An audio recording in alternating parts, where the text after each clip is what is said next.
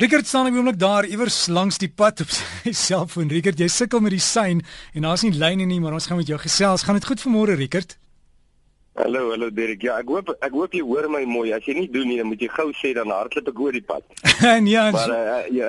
Ons ons hoor vir jou, Rickert. Waar is jy op die oomblik? So mooi. Uh, ek is nou in Monte Vista. Ek het die voorreg gehad om bietjie saam met my seun te gaan duik vir so 2 dae hier in die Kaap, Simonstad omgewing. Ag, Derek, dit was fantasties, nee, regtig, dit is wonderlik. So ek's nou opgecharge as ek hier staan. Leer ons onderwerp vandag. Iemand het gesê ek moet jou vra, hoekom is daar soveel verskillende kerke vir dieselfde God? Ehm um, al het gewonder daaroor en toe sê ek moet ook vra oor daar's deesdae mense wat in die kerk toe gaan, hulle hou sommer by die huis, kerk klomp vriende kom saam. Nou hoe werk dit, Rickert? Goed. Uh dis 'n fantastiese vraag. Ek hoop ons kan hom in pleisters ingedruk kry die die rede daar's daar's goeie redes maar baie min ek het nou weet ek probeer nou dink aan 'n goeie rede of so hoekom daar soveel verskillende kerke is.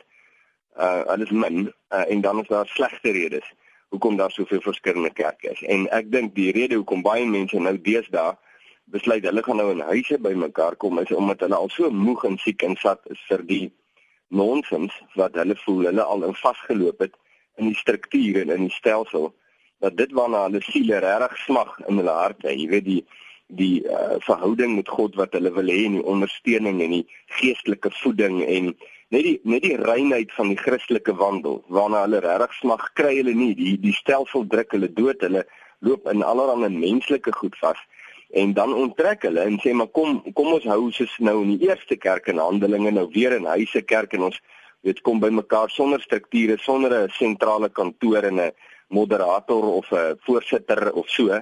En en ons um, ons volg Jesus, ons soek hom, ek weet soek hom in die skrif en ons volg hom, ons praat met mekaar, ons maak ons harte van mekaar oop hier in die klein groepie. Nou natuurlik wat hierdie ouens ook ontdek, Derek, is um, terwyl hulle nou so in die klein groepies vas is, jy weet of of besig is uh om te nou probeer wegkom van die goed wat hulle so doodgedruk het in die stelsel, dan kom hulle nie lank daarna agter hulle loop in die klein groepie in dieselfde goed vas wat hulle in die stelsel vasgeloop het. Nou die Bybel noem dit sommer die vlees, jy weet. Dit is sommer alles wat onvolwasse en liefdeloos is, sommer daar tussen hulle want dit sit in mense se harte.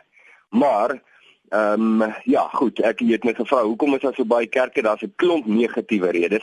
Ek weet nie of jy daar wil uitbrei nie. Rigard, dis net iets waaroor mense wonder. Almal sê hulle is Christene, maar dan kyk jy na die verskillende tipe kerke, die style.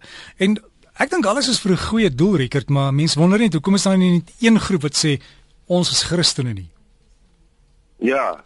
Nee, daai kyk die vraag wat jy nou vra kom al baie lank aan. Ons waar dit sê kom al eeue aan. Ehm um, en daar's al baie pogings ehm um, gemaak om weet die gelowiges so saam te snoer op 'n manier jy weet dat hulle kan sê man los nou die brand name jy weet los die label jy weet hierdie ouens hulle is hulle sê nou maar die Pinkster ouens en hierdie ouens is die gereformeerde ouens. Hierdie is die charismatiese ouens en dis die baptiste ouens en dis die onafhanklike ouens. Hulle los die labels. Kom ons kom ons verenig net onder Christus. Jy weet kom ons staan onder hom. Nou die pogings is al baie aangewend en dit het liderlik misluk vir dieselfde redes wat ek nou nou genoem het. Die mense loop in hulle self vas. Hulle loop in in die selfsugtigheid en die liefdeloosheid en hulle onvolwassenheid uh, in hulle eie harte loop hulle vas. Nou ek weet, ek praat nou met gesag want ek het agtergekom wat sit in my eie in my eie hart. Jy sien, ek ontdek maar die die onvolwassenhede en die goed wat by myself sit. En en dan besef ek hier hierdie probleem is nie klein nie, dis dis geweldig groot. Die wêreld kyk natuurlik daarna en en hulle hulle krap 'n bietjie kop want hulle sê Ja maar as jy dan nou as as die evangelie dan nou waar is, jy weet soos wat jy nou ek dink na toe mik, die evangelie waar is en Jesus maak jou nou vry. Hoekom kan julle dit nie demonstreer nie? Julle is net so verdeel soos ons, uh, sê die wêreld nou vir die kerk. Julle julle het maar net soveel geldgierigheid en net soveel sonde en net soveel onreinheid. So wat, wat is die verskil? Jy weet, hoekom sal ons nou vat wat julle het? en ek dink die kerk het baie lank daaraan vasgevang. Rickert dan is daar een van die die groot leiers wat ook 'n keer gesê het geloof is soos om ontbyt te eet. Almal eet ontbyt, maar dit is waarvan jy hou. As jy hou van van roereiers of gebakte eiers, dis wat vir jou saak maak wat belangrik is en hy sê dis hoekom daar soveel gelowe is. En hy sê ook dis goed, want dit is amper 'n tipe van 'n kompetisie, maar 'n gesonde kompetisie. ja. Terwyl jy dit sê dat ek binne gaan en dink. Kyk kyk die die moderne woord vir dit wat jy nou van praat is spiritualiteit. So mense gaan nou sê ja man, hulle is van 'n ander spiritualiteit of ek is van 'n ander spiritualiteit en dan verwys hulle nou grootendeels na die die deel waarvan jy nou praat.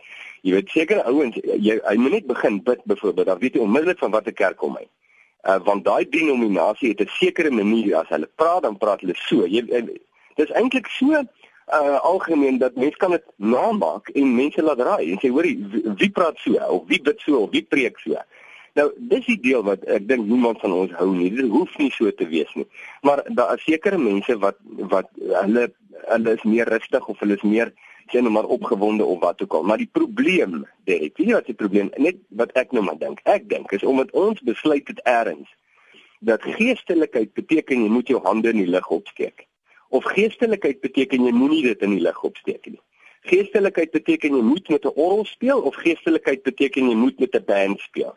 En dit is omdat ons hierdie goed meet, geestelikheid probeer meet aan hierdie nonsens, absolute piffel. Jy weet dat ons nou mense begin uh oordeel hier volgens. Jy weet, steek hy nou sy hande op. O nee, hy staan met sy hande langs sy sê ag nee, wat? Ons kan sommer dadelik weet hy hy's nog nie soos ons nie. Nou probeer ek hom in my boksie indruk. Wat doen ek? Dit het niks te doen met Jesus hierso nie. Ek het te doen met my eie voorkeure en goetertjies en is die vlees. En ek dink as 'n ou kon wegdoen daarmee, nê. Nee. Ehm um, daar's nog baie ander goed, maar dit is nie oor eens vereenvoudig laat klink nie, maar as jy nou kom wegdoen byvoorbeeld net met hierdie een ding, dan sou die toneel heeltemal anders gelyk het. So Rickert, as sekere kerke se uh, paradys of hemel dan beter as andersin en party se hel bietjie erger as andersin. ja, sekere ouens se hemel het almal dasse aan. Ander ouens se hemel kom almal met plakkies en kort broeke. Dit is snaaks. Dis reg, maar dit is snaaks. Ek dink as as ons net 'n bietjie kan terugstaan en vir onsself kan kyk en sien wat aangaan. Ek is baie keer so verleë oor my eie goeders, jy weet, en die goed wat ek nou wat ek nou voor staan of sê of gedink het of wat ook al.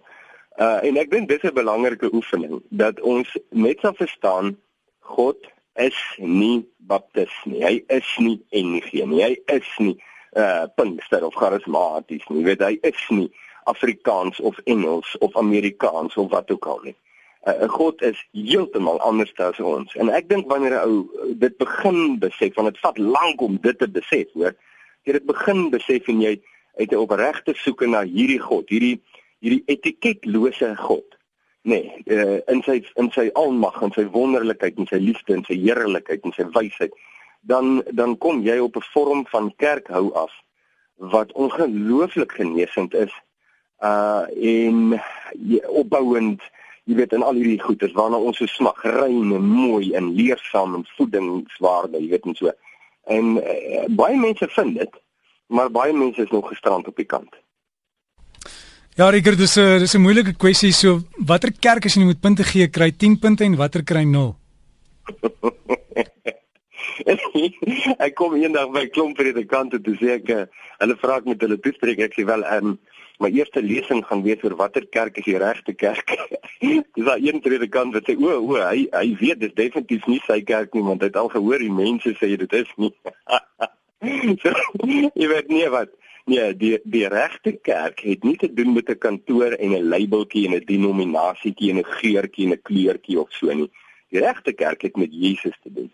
Die regte kerk bemoei hom slegs met dit wat vir Jesus belangrik is, nie met sy eie agendaatjies en goetertjies en image, jy weet, en en uh, uh reklame om self nou te bevorder in die wêreld net te doen met die hart van Jesus om dit te kan onderskei en rein net daarin te kan wandel. Dis al. Dit is eenvoudig in die waarheid en die liefde van Christus. Dis die regte kerk. Dit niks te doen met noem vir ons die denominasie watter een is die regte kerk nie, want laastens ek kan vir jou enige denominasie wys en dan sal daar mense in daai denominasie wees wat wat deel is van die regte kerk in suiwerheid en in reinheid en mense in daai selfde denominasie wat niks te doen het met Christus nie. Hulle is hulle is agter die kerk aan agter die stelsel aan en hulle is maak nie deel uit van die regte kerk nie hulle lewens bewys dit. So as jy ou gaan kyk na die etiket om te sê watter kerk kry 10 punte en watter een 1 as jy ou klaar nou in die verkeerde rigting Christus is die fokus die ouens wat aan hom gekoppel is en suiwerheid en reinheid sonder piffel daarsou kry ons nou meer die waarheid. Andersins wyk jy af. Rickert jou pleister vandag.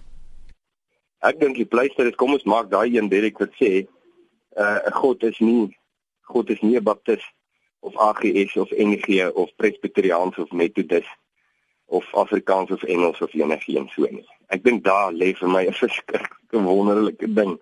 Uh God is verhewe bo die mens en sy kultuur en sy giere en sy voorkeure en al hierdie tipe dinge. En uh, dis nie God wat by ons moet inskakel nie, maar ons by hom. En dit kan baie keer 'n baie lang leeftyd vat om dit te leer. Dit is nie nodig nie, maar dit vir baie mense vat dit lank. Maar as jy dit ontdek, ja, weet ek daar's 'n vryheid en 'n bediening in daai waarheid wat waarlike pleister is. Well, dankie Rickert en sterkte daar in Montevista. Ek hoop jy gaan daarom nog gelyf bietjie nat maak in die water is jy klaar?